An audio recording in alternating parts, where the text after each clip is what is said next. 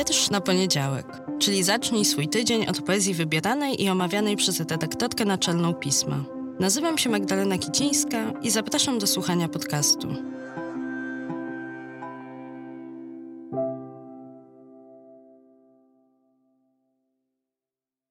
Cykl powstaje we współpracy ze Staromiejskim Domem Kultury. Cześć, dzień dobry, dobry wieczór, witajcie. Tak nie wiadomo kiedy minął prawie cały kwiecień. Nie wiem, czy was też to dziwi? Dla mnie jakoś tak jednocześnie stoi w miejscu i pędzi w jakimś szalonym tempie i przyznam, że nie nadążam. Może dlatego, że jak pisał T.S. Eliot, najokrutniejszy miesiąc to kwiecień. To fragment jego wiersza. Najokrutniejszy miesiąc to kwiecień. Wywodzi się z nieżywej ziemi łodygi bzu, miesza pamięć i pożądanie, pod nieco gnuśne korzenie sypiąc ciepły deszcz. Mnie od kilku tygodni trudniej jest zasypiać, to trudniej jest się też skupić na czytaniu.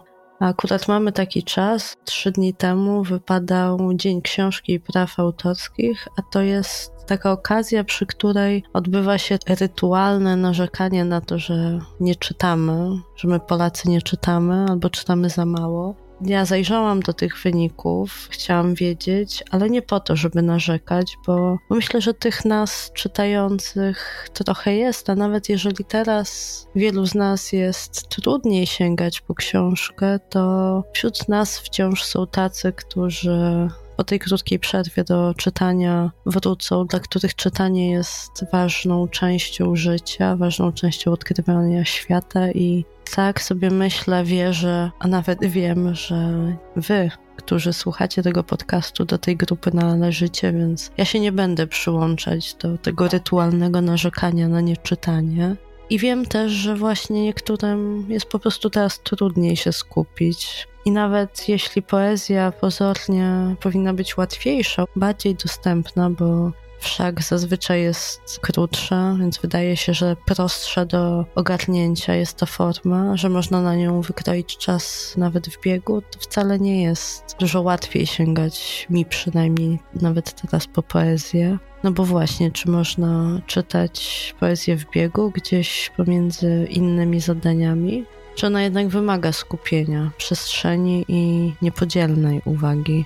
Bardzo jestem ciekawa, jak to jest u Was. Chyba nawet udało mi się przed chwilą zarymować. I czy też w ostatnim czasie jest Wam z czytaniem trudniej? A jeśli nie, to napiszcie proszę na najdłuższy adres świata, czyli wiersz na poniedziałek małpa magazynpismo.pl. Co czytacie? Oczywiście poetycko, co czytacie, interesuje mnie najbardziej. Może mnie tym razem wy zainspirujecie do jakichś nowych poszukiwań. A co u mnie? U mnie najbliżej łóżka, takim jednym ze stosów, bo to już nie jest jedna kolumna książek takich doraźnych do czytania. Ja bardzo bardzo dużo książek czytam naraz. Kilka zaczynam, czytam równolegle, naprzemiennie. Zdarza mi się nie kończyć. Nie należę do tej grupy, która zawsze musi dokończyć rozpoczętą lekturę. No więc w różnych miejscach te książki gdzieś na mnie czekają ale teraz najczęściej sięgam po tom Zofii Bałdygi,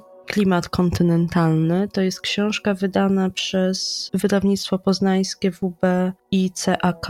Najdłuższa nazwa wydawnicza świata to też jest. Bardzo ciekawy tom. Myślę, że za jakiś czas w podcaście o tym tomie i o tej poetce opowiem trochę więcej. Bardzo Wam już polecam i zajawiam. Zwróćcie uwagę na tę autorkę a obok Zofii Bałdygi jest mała w formie, w formacie, ale wielka w treści, przynajmniej dla mnie wielka. Książka Serhija Żadana, bo nie przerwałam i nie przerywam i was też zachęcam do nieprzerywania poznawania literatury, prozy, poezji ukraińskiej. Cały czas powtarzam, że powód do tego wzmożonego poznawania, sięgania po literaturę jest tragiczny i wolelibyśmy wszyscy nie z tego powodu częściej sięgać, czy czasami w niektórych przypadkach po raz pierwszy sięgać po literaturę tworzoną przez naszych naszych sąsiadów i sąsiadki. Ale wyjmując teraz ten powód i ten teraźniejszy kontekst, ja również nie ustaję w poznawaniu, a w tym przypadku w powracaniu do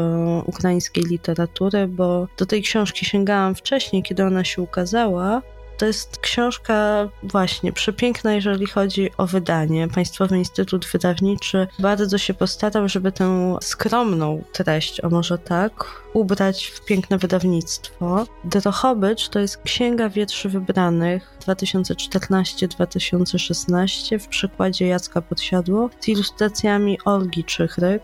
I te ilustracje też dają takie drugie tempo tej książce. Ona jest dzięki temu pełniejsza. Myślę, że niektóre z tych ilustracji korespondują z tekstami Żadana, a inne dopowiadają nowe tło interpretacyjne do tych tekstów, których Drochobycz jest inspiracją, punktem wyjścia, ale to nie jest książka o Drochobyczu, chociaż jednocześnie w jakimś sensie o nim jest. Więc tę książkę też Wam bardzo polecam w ramach tego nurtu, o którym mówiłam, nurtu drążenia, poznawania, pogłębiania swojej wiedzy o literaturze naszych sąsiadów, którym życzymy pokoju, a życzymy go w szczególnym dniu, bo ten poniedziałek to jest dla Ukraińców i Ukrainek wierzących Dzień Wielkanocny, poniedziałek wielkanocny. Życzę im, myślę, że wy też im życzycie, myślicie o nich, być może razem z nimi spędzacie ten dzień, bo goszczą u was, albo z powodu wojny w jakiś sposób pojawili się w waszych życiach i współuczestniczycie w ich doświadczeniu. Życzę im, żeby te święta były pierwszymi i ostatnimi takimi świętami, żeby jak najszybciej mogli wrócić do domów i żyć w pokoju. I kiedy myślałam o tym odcinku, o wierszu, który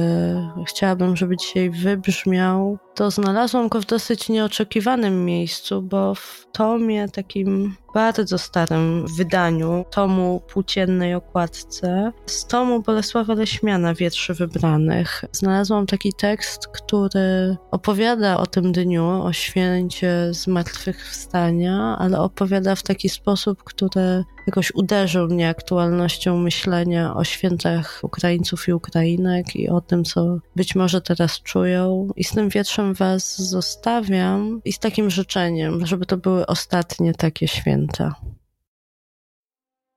Bolesław Leśmian w czas zmartwychwstania z tomu Napój Cienisty. W czas zmartwychwstania Boża moc trafi na opór nagłych zdarzeń nie wszystko stanie się w tę noc według niebieskich wyobrażeń. Są takie gardła, których zew umilkł w mogile bezpowrotnie. Jest taka krew, przelana krew, której nie przelał nikt dwukrotnie. Jest takie próchno, co już dość zaznało zgrozy w swym konaniu. Jest taka dumna w ziemi kość, co się sprzeciwi zmartwychwstaniu. I cóż, że surma w niebie gra, by nowym bytem świat odurzyć. Nie każdy śmiech się zbudzić da, nie każda łza się da powtórzyć. Cykl powstaje we współpracy ze Staromiejskim Domem Kultury.